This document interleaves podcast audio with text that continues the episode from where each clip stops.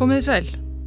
Eins og allir vita hefur geisað styrjöld í Sýrlandi í vel á sjötta ár og þrátt fyrir ótal tilraunir til að fá stríðandi fylkingar til að bera klæði á vopnin er svo sem ekki beint útlitt fyrir að samið verði um frið í bráð. Eitt af því sem hver friðar umleitunin á fætur annari virðist stranda á eru örlög forsetta Sýrlands sem um leitt hefur hernaðar aðgerðir sýrlenskra stjórnvalda gegn upprisnarmönnum undanfærin ár, Bashar al-Assad. Upprisnarmenn vilja hann burt hvað sem það kostar en Assad getur ekki hugsað sér að fara frá og áhrifa miklir bandamenn hans, svo sem rússar, styðja hann í því. Hann ætlar ekki að gefast upp heldur. Á undanförnum árum hefur því ótalsinnum verið spáð að nú fari Bashar al-Assad halloka, hann hljóti að vera alveg að fara að gefast upp, flýja land, en það gerir hann svo aldrei. Kanski er það vegna þess að hann lítur svo á að Sýrland sé hans land, enginn geti farið með stjórnlandsins nema hann. Það er kannski skiljanlegt.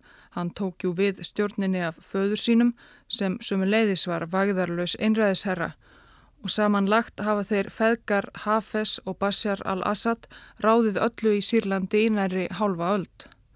Að hugsa um Sýrland án þess að hugsa um leiðum Assad fjölskylduna hefur sum leiðis verið ógerlegt í næri hálfa öld. Og það er ímislegt í sögu þeirra feðga og sögu fjölskyldu þeirra sem gefur vísbendingar um það nákvæmlega hvers vegna þeir hafa hagað sér eins og þeir hafa gert.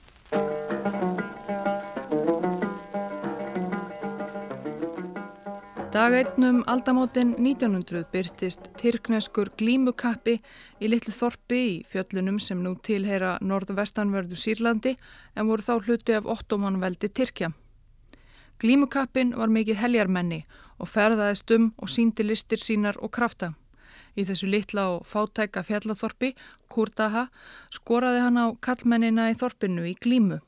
Þrumaði það yfir húsaþyrpinguna með djúbri röttu.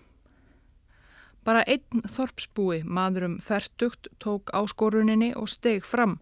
Hann greipum glímumannin miðjan og sneri hann niður með einni snarpri reyfingu. Þorpsbúarnir rópuðu af fögnuði. Hann er trilltur, kolluðu þeir af aðdáunum nágranna sinn sem hafi bóðið Tyrkjanum byrgin og sigrað. Súleiman er trilltur.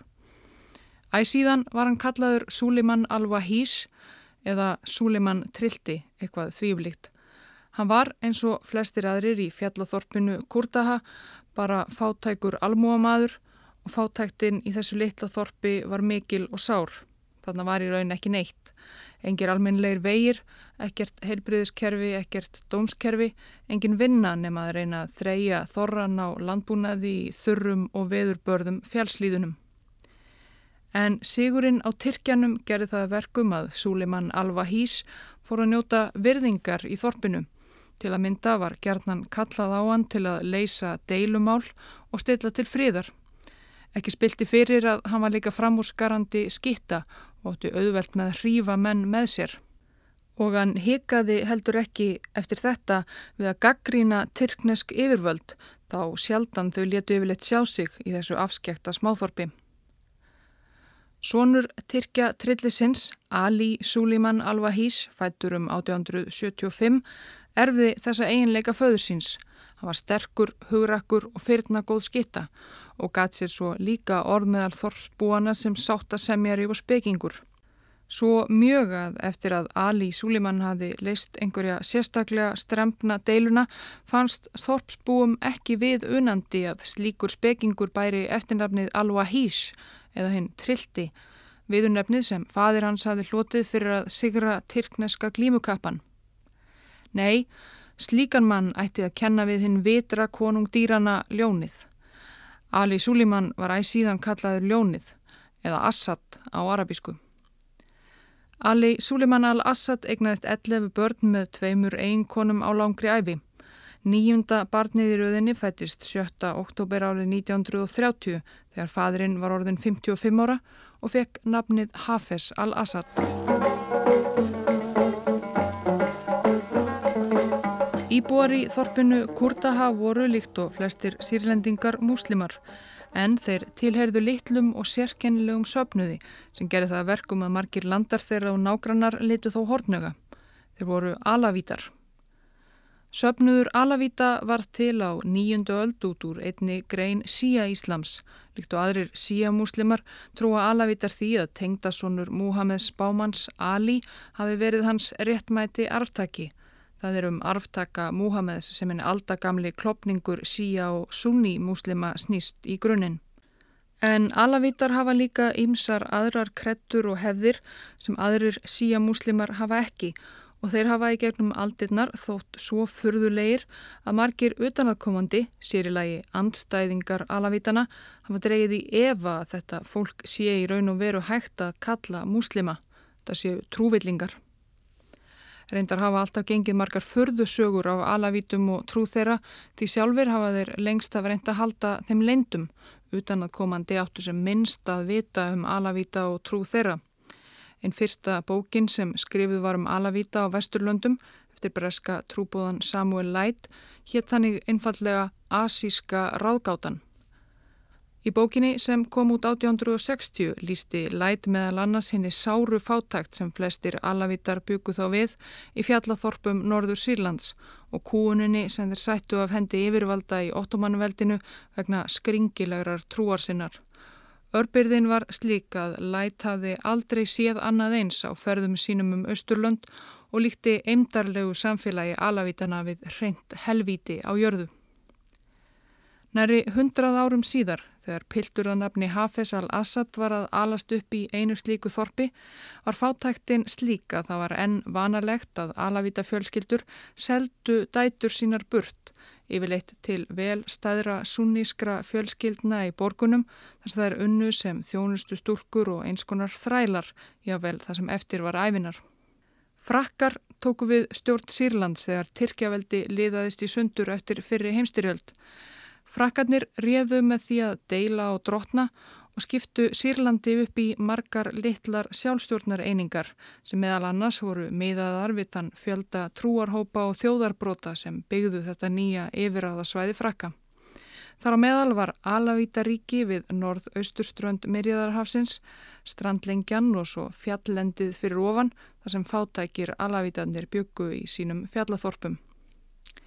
Heimaþorp Hafesar, Kurtaha, var í raun bara lítil þyrping af leir og steinhúsum sem öll stóðu við sama vegarslóðan.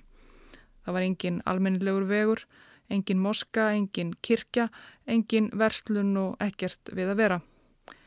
Assad fjölskyldan var reyndar nokkuð vel stæð á mæli hvarða Kurtaha. Afa Hafesar og föður hafi tekist að rýfa fjölskylduna upp úr verstu fátæktinni. Fjölskyldan átti nú nokkra litla agra sem assatar, stóri sem smáir, hjálpuðu stað við að hyrða. Hafes ungi vann á þessum ökrum sem barn, millir þess sem hann flakkaði um fjálslíðarnar með hínum börnunum í þorpinu. Það var engin skóli í Kurtaha og engir peningar eða tími til að senda börnin annað til náms. Þau þurftu að vinna. Fæstir þorpsbúar kunnuð að lesa. Eldri sískinni Hafesar hafðu enga mentun fengið. En þegar Hafes var að vaksa ár grasi á árunum rétt fyrir sittni heimstyrjöld hafðu nýlendu herratnir frakkar byrjað að senda kennara og koma á fót skólum jafnvel í afskektustu fjallahjörðum Sýrlands. Og þegar kennari kom til Kurtaha gerði Ali Suleiman al-Assad, fadir Hafesar, það að sínu kapsmáli að sonur hans ungur erði meðal fyrstu drengjana í þorpinu til að ganga mentavegin. Eftir að Tyrkjaveldi liðaðist í sundurlendi stærstur hluti Arapaheimsins undir evróskum yfiráðum. Arabatnir voru þó fæstir sérlega ánæðir með það. Þegar fór að bera á sjálfstæðis tilburðum í Sýrlandi auðu margir alavítar uggandi. Meiri hluti sýrlendinga voru sunnimuslimar sem höfðu lítið álit á alavítum sem voru áakiska 10% þjóðarinnar. Álutu þó jafnvel hættulega villutrúarmenn. Alavítanir vildu því margir frekar halda sínu litla ríki undir verndarvæng franskra nýlenduherra en að verða undirokaður minnilhutahópur undir stjórn sunnískra landasinna. Forkólvar sírlenska alavítasamfélagsins sendu til að mynda formlega áskorun til frakka um að yfirgefa þá ekki. Meðal þeirra sem undir hana skrifuðu var Ali Suleiman al-Assad, fadir Hafesar. Það var heldur ekki hægt að neyta því að hagur hinn að fátæku Alavita hafi farið að vangast nokkuð á valdatíð frakana. Nýlendu herratnir urðu varir við að Alavítar voru þeim hlýðhóllari en margir aðrir hópar í Sýrlandi og kvöttu þá því til að ganga í nýja sýrlenska herin sem frakkar voru þó að byggja upp. Og fyrir fátækka sveitastráka sem ekki áttu kost á mikilli ef nokkuri skólagöngu var herin líka hitt fullkomna tækifæri til frama. Þannig var því einmitt farið með Hafez al-Assad.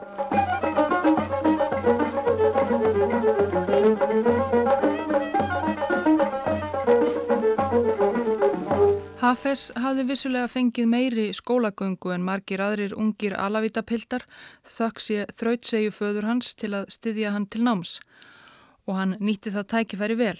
Þegar Hafez var 12 ára var það neitt af örfáum pildum í Þorpinu sem kláruðu Þorpsskólan og helt áfram til framhaldsnáms í Latakíu, höfuborg Alavítaríkisins.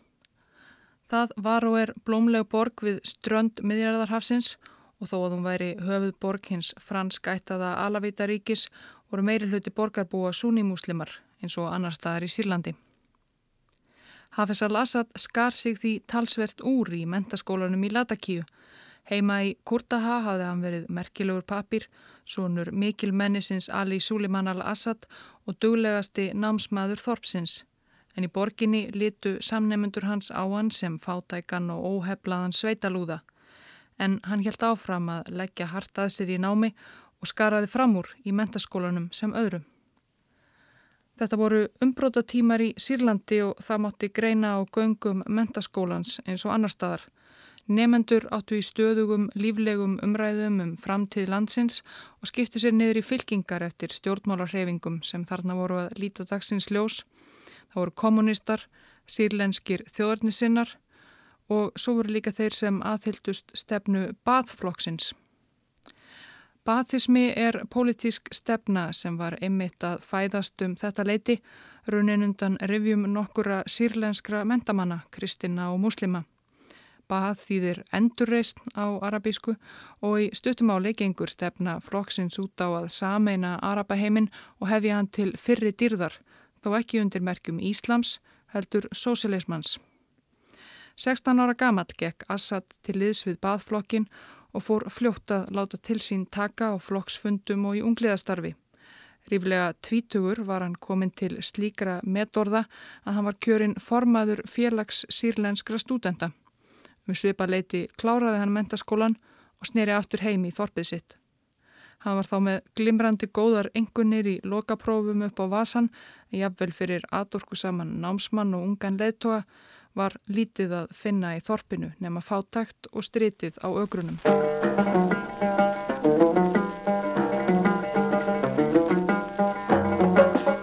Sagt er að Hafez al-Assad hafi borið þann draum í brjósti að verða læknir en hversu góðar engunir sem þeir höfðu þá urðu fátækir alavítapiltar ekki læknar á þessum tíma. Það var oflangt og kostnaða samt nám. Það var að lókum sonur Hafezar sem lagði fyrir sig læknisfræðina en við heyrum meira af því síðar. Þessi stað fór Hafez sömu leið og margir aðrir alavita piltar á hans reki. Hann gekk í herin. Á meðan Hafez al-Assad grúði sig yfir bækurnar í mentaskólanum og heitlaðist af bathismannum hafði Sýrland losnað undan frönskum yfiráðum. Það var árið 1946. Og í hernum áttu sér stað sömu rökræður og rifrildi og göngum mentaskólans Hermenn higguð ekki við að hafa skoðun á pólitík og skiptu sér í fylkingar, hægri menn og kommunistar, bathistar og sírlenskir þjóðarnisinnar og svo framvegis. Eftir brottkvarf frakka átti að heita að líðræði væri komið á í sjálfstæðu Sýrlandi. Sett var að fót þing og aðrar nöðsynlegar líðræðislegar stopnanir en frá fyrsta degi var þetta líðræði mjög brottætt en það voru sírlendingar óvanir slíku og frakkar höfðu lítið hirt um að tryggja að þetta myndi nú allt ganga þegar þeir hirfu og braud. Svo það endist ekki lengi. Vandraðalegur ósigur herja Araparíkjana fyrir hennu nýstofnaða Ísraelsríki 1948 sem hafi meðal annars í förmið sér að Sýrland tapaði hluta hennar margum töluðu gólan hæða í hendur Ísraela var til þess að árið eftir 1949 tók sírlenski herin völdin í landinu í fyrsta sinn.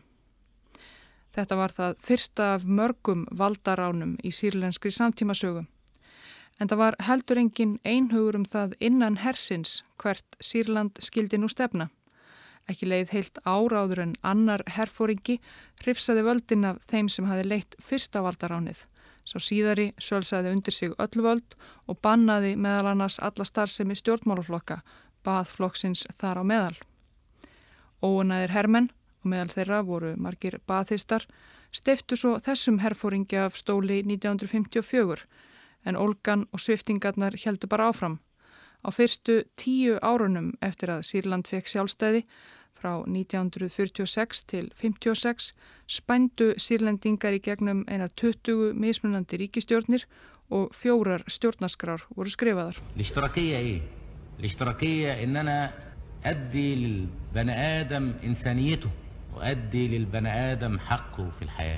Svona var þessu ekki farið í öðru stóru Araparíki nokkur spöli burtu.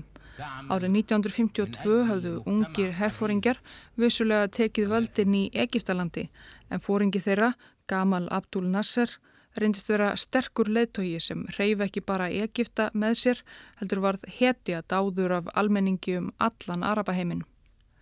Nasser var ekki bathisti en bar sama draumum sameinað stórveldi Araba í brjósti sér og þeir gerðu og 1958 var stíið fyrsta skrefið á þeirri braut.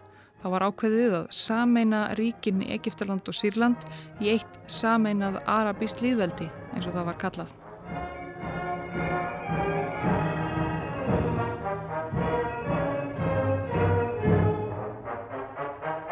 Þetta ríkjasamband var þó skamlíft.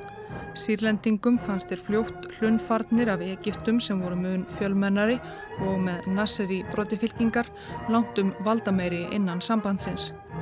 En voru sýrlenskir herfóringar óanæðir og árið 1961 framdu nokkri slíkir enneitt valdaránið og klufu Sýrland aftur frá Egiptalandi. Sameinaða arabíska líðveldið varð bara þryggja ára gamalt. Á meðan allt þetta umrót átti sér stað var Hafez al-Assad að klífa metorðastegan innan flughersins. Hann var í fyrsta beknum sem útskrifaðist úr flugskóla hersins og eins og alltaf á námsferlinum skaraði hann fram úr. Hann var bæði hæfur og djarfur flugmaður. Hann hafði sérstatt indi af því að fljúa yfir litla þorpið sitt Kurtaha og taka þar nokkra snúninga og salibunur til að sína fólkinu sínu hvað hann hefði þegar náð langt. Hafez al-Assad var líka fljótt einn af leðtókum bathista fylkingarinnar innan hersins og svo fylking var staðræðin í að ná völdum og það með þeirri leið sem stutt saga sjálfstæðs Sýrlands síndi þegar að var eina leiðin til að komast að kjötköllunum með valdaráni.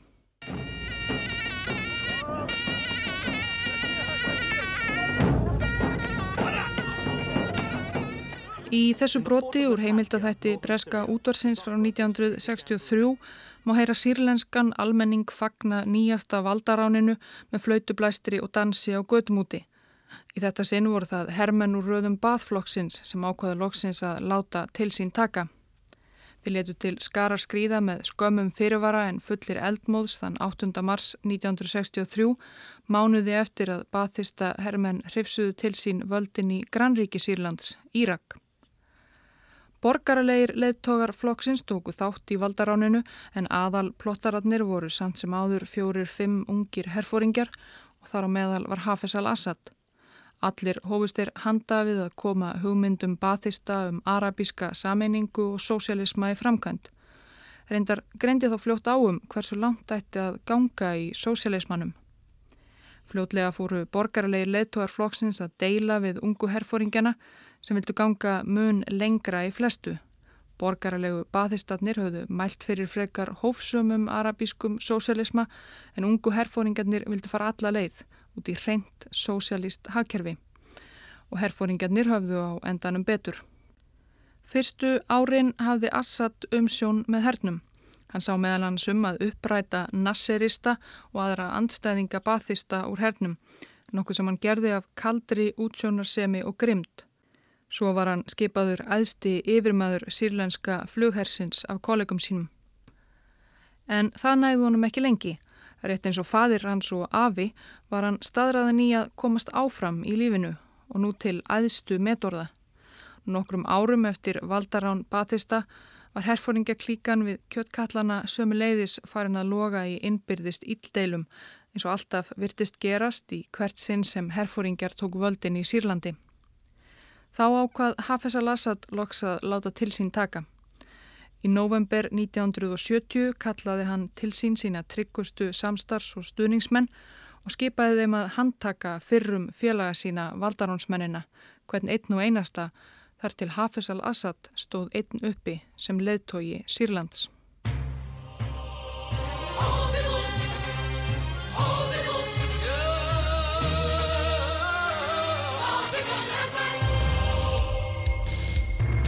Í november 1970 var Hafez al-Assad rétt færtugur.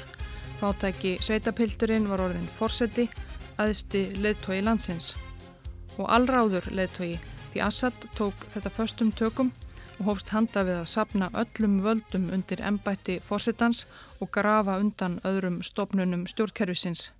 Hann skildi ekki gera sömu mistök og forverar hans á valdastóli og missa allt í hendur einhvers annars herfóringja. Stjórn ungu bað herfóringjana hafði ekki verið sérlega vinsæl meðal sírlensks almennings. Þið sannsósialíska hagkerfið þeirra hafði ekki gengið sérstaklega vel og mörgum blöskraði sem leiðis kúun herfóringjana á öllum þeim sem ekki voru þeim 100% samála um allt. Fyrst eftir að Hafez al-Assad tók við völdum lofaði hann bót og betrun. Nú tækju við nýjir tímar fyrst hann væri tekin við, ég vil þó hann væri bara enn einn herfóringin. Þetta reyndust þó orðin tóm þegar á leið.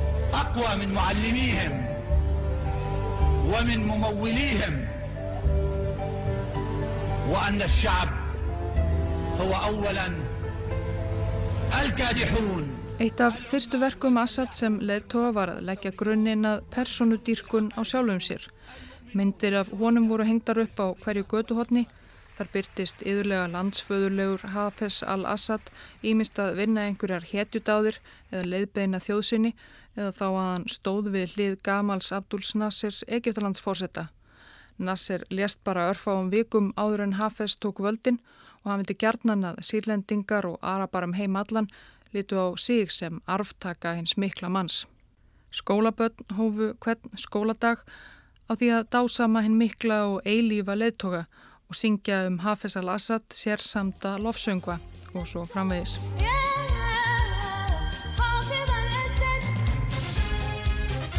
Tryggum alavítum raðaði Hafez í æðstu stöður í stjórnkerfinu í hér, lauruglu og leinithjónustu. Margir voru ættingjar hans eins og yngri bróðir hans Rifat al-Assad sem fór fyrir allræmdri úrvalsveit innan hersins. Hann byggði líka smátt og smátt upp umfangsmikið og miskunarlöst laurugluríki. Ekkert andof var leift og það var fylst með öllu. Þeir sem gerðu eitthvað á hlut Assads áttu yfir hafði sér fangelsi, pyntingar eða eitthvað þaðan að verra.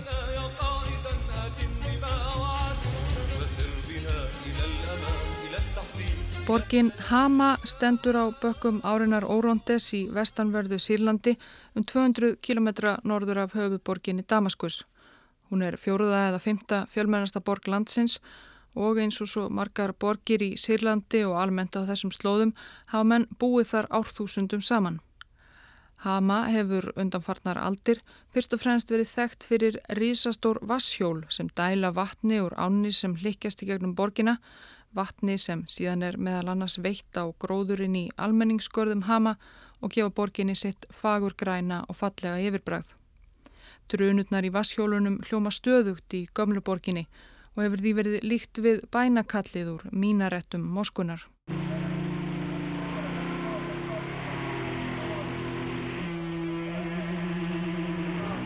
Það er kannski við hæfi, því Hama hefur líka verið þekkt fyrir annað en hljómufögur vasshjólinn. Íbúar Hama eru lang flestir sunnimuslimar og margir þeirra frekar trúræknir og íhaldsamir á mælikvarða sírlendinga. Í Hama var alltaf vanalegra en í flestum öðrum sírlenskum borgum að sjá konur þaktar svörtum slæðum og menn í hefðbundnum arabískum kuplum frekar en vestrænum klæðnaði. Og Hama var áratugum saman helsta víi bræðralags muslima og annara íslamista sem sömuleiðis voru einhverjir heitustu anstæðingar stjórnar Bathflokksins og Assads. Árið 1964 hafði bræðralægið em til óeirða í Hama eftir að bathistar tóku fyrst völdin. Herin hafði þá beitt hörku til að bæla niður óeirðirnar, nokkrir töyir óeirðaseggja fjallu og ótal margir til viðbútar særðust og voru fangelsaðir. Næstu árin kom af og til til átaka í Hama og yðurlega beittu stjórnvöld öllu sem í þeirra valdi stóð til að brjóta niður róstusamt bræðralægið. Liðsmenn voru fangelsaðir og pintaðir og árið 1980 var gengið svo langt að leggja dauðarefsingu við því einu að tilheyra samtökunum forbónu. Allt það var þó ekkert í líkingu við það sem átti sér staðinanum Vassjólinn í Hama á nokkrum vikum í februar árið 1982. لا أخطر على الإسلام من أن تشوه معانيه ومطامينه وأنت تلبس رداء الإسلام Í februarbyrjun ákvað Hafez al-Assad að reynsa til í Hama í eitt skipti fyrir öll. Bræðralagsliðar voru farnir að færa sig of mikið upp á skaftið. Sprengju árásir og tilræði runnin undan revjum uppreysnamanna bræðralagsins voru orðin svo gott en daglegt brauð, ef ekki í Hama þá í öðrum borgum og bæjum. Það varð að binda enda á þetta. Hafes fól verkefni tröstu manni, bröður sínum Rífat. Hann var sjú árum yngri, líka herfóringi og fór eins og fyrir segir fyrir harðsvíruðum úrvalsveitum hersins, varnarsveitunum, sem hafðu þann einan tilgangað standa vörðum greip Assad fjölskyldunar á stjórnartömunum í Sýrlandi, hvað sem það kostiði. Ef Hafes fórsetta var ítla við bræðralag múslima, þá var bróður hans Rífat mein ídla við það og hann var tilbúin að forna miklu til að losna við þetta vandamál í eitt skipti fyrir öll. Í helstu æfisögu Hafezar al-Assad sem breski bladamæðurinn Patrick Seal ritaði í nokkuri samminnu við mannin sjálfan og kom út 1988, hún heitir einfallega Assad, þar er sagt frá fundi baðflokksins skömmu fyrir atburðina í Hama í februar 1982 þar sem Rífat bróðir tók til máls og saði meðal annars um vandamálið bræðralag múslima. Stalin fornaði 10 miljón mannslífum til að standa vörðum byltingu Bolsevíka og Sýrland ætti að vera reyðbúið að gera slíkt þið sama. Sjálfur, saði Rífat, væri hann tilbúin að heia hundrað stríð og forna miljónum hermana til að sigra bræðralæð. Og bræðralæð, það var að finna í Hama.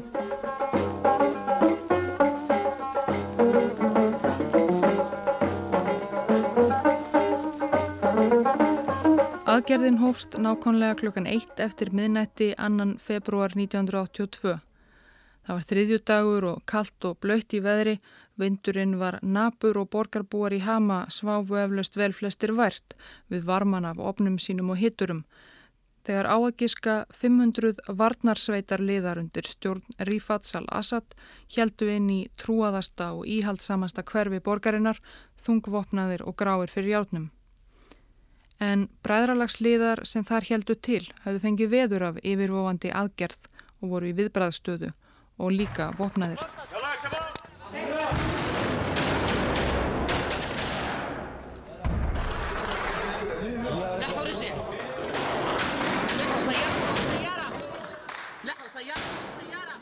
Fljótt logaði borgin í allserjar átökum. Rífat bróðir kallaði út liðsauka sem umkringdi borgina. Það var ofbeldi og yllvirki á báða búa. Bræðralagsliðar gengur bersesgangum, ofinberrar byggingar, reyðust inn á heimili þekktra bathflokksmanna, rændu og röpluðu, limlestu og myrtu. En enguða síður voru aðgerðir þeirra Assad, bræðra, Hafesar og Rifats gjörsamlega úr takti við þá ógn sem þeim hefði nokkuð tíman geta stafað af vopnuðum bræðralagsliðum í Hama. Þeir ákváðu einfallega að ráðast á borgina þeirra eigin borg, fjórðu eða fymtu fjölmennustu borgina í þeirra eigin ríki Sýrlandi að fullum þunga og að fullri hörku eins og þetta væri Erlendborg höfuð víi óvinnveitrar þjóðar. Á næstu þremur vikum eða svo fram í lok februar satt sírlenski stjórnarherin um Hama og hermenn þrættu götur og stræti þanga til þeirra Assad bræður hafðu fullvisað sig um að þeir hefðu gert út af við bræðralag muslima í borginni. Lengi vel var óvíst hvað nákvæmlega hefði átt sér stað í Hama í februar 1982. Engir erlendir bladamenn fengu að fara til borgarinnar í lengri tíma. Allt átti að þakka niður. Jú, fregnir bárustum að eitthvað hefði átt sér stað í Hama, einhverjir hefði fallið í einhvers konar átökum. En hversu margir, 1-2000 kannski, úrskurðuðu fjölmiðlar að lokum. Fyrstu bladamennir sem loks komu á vettvang mörgum mánuðum síðar sögðu að það væri eins og fellibilur hefði gengið yfir borgina og loks í november 1982 meira en hálfu ári eftir atbyrðina í Hama gáfu alþjóðlegu mannreitindasamtökinn Amnesty International út stutta skýrslu um glæpi sírlenskra stjórnvalda byggða á upplýsingum frá sírlenskum stjórnarlandstæðingum. Þar var meðal annars minnst á Hama. Að sögn sjónarvotta auðvitað eldstu hlutar borgarinnar fyrir sprengjára sem úr lofti til að gera herliði og skriðdryggum klift að komast um þröng strætin. Hið æfaforna hverfi Hatra var jafnaði jörðu af skriðdryggum á fyrstu fjórum dögum bardagans. Þá tóku við tvær vikur af húsleitum og handtökum og fregnir hafa búrist af fjöldamorðum á almennum borgurum og öðrum ódæðisverkum örgisveita. Það er erfitt að segja með vissu hvað gerðist en Amnesty hefur meðal annars hirt af fjöldaaftökum fyrir utan sjúkrahús þann 19. februar og að Hermenn hafi tekið almenna borgara í Hatra þann sama dag og að blá síru gashilki hafi verið flutt til borgarinnar, leitt í gegnum gúmirör inn í hús þar sem uppreisnarmenn voru grunar um að halda sig, svo allir þar inni letu lífið. Og svona heldur þetta áfram. Í skýrslu amnesti eru líka lýsingar á þeim pyntingum sem myndir stjórnaraðstæðingar sögust hafi verið beittir í fangelsum sílandsstjórnar. Lýsingar svo hryllilegar að það er varla hægt að endur taka þær. Og úrskurður amnesti líklega hafðu alltaf 25.000 manns fallið í blóðbæðinu í Hama á um þeirra mjög til fjórum vikum og alls ekki allt vopnaðir bræðralagsliðar heldur fjöldi almennra borgara, konur, börn og gamalmenni sem fátt höfðu til sakarunnið annað en að vera á raungum stað á raungum tíma.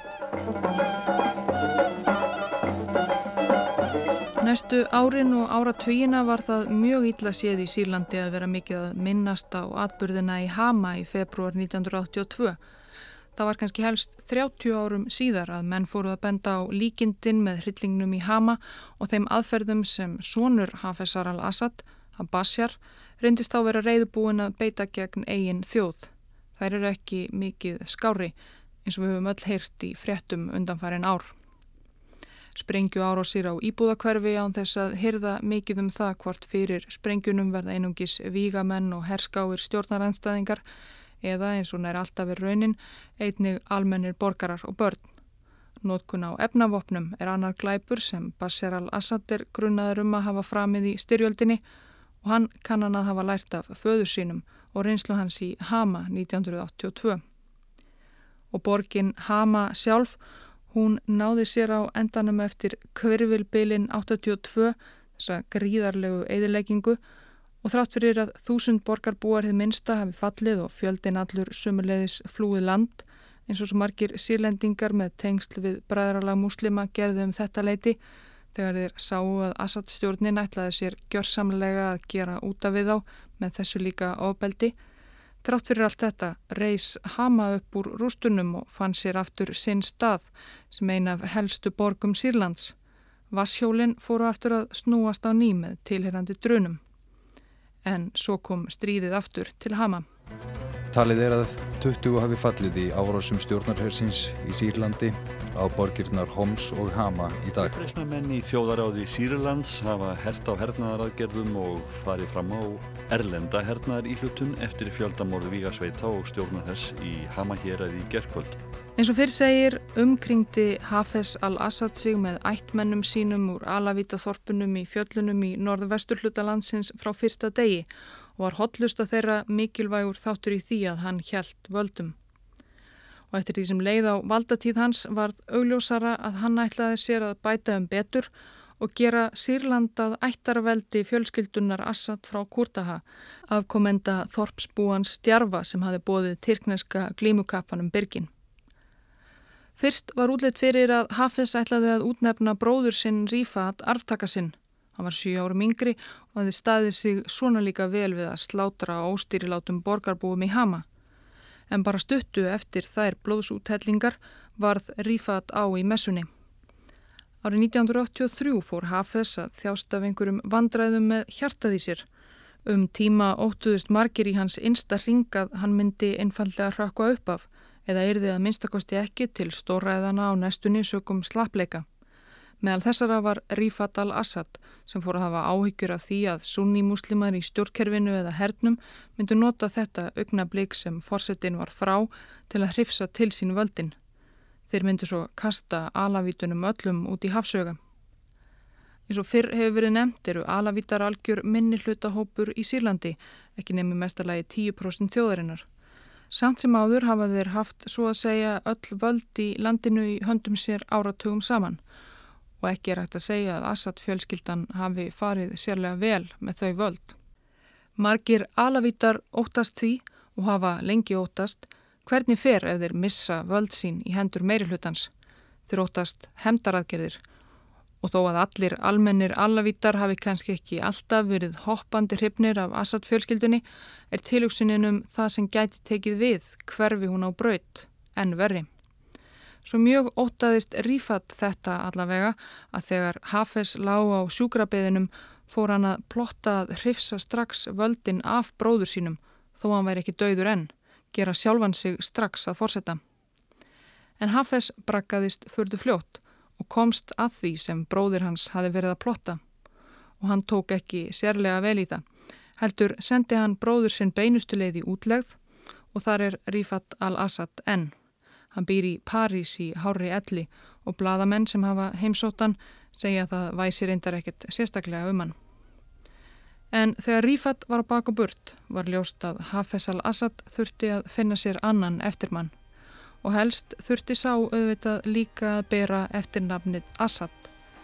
En frá þeirri leit verður nánar greint í síðari þætti.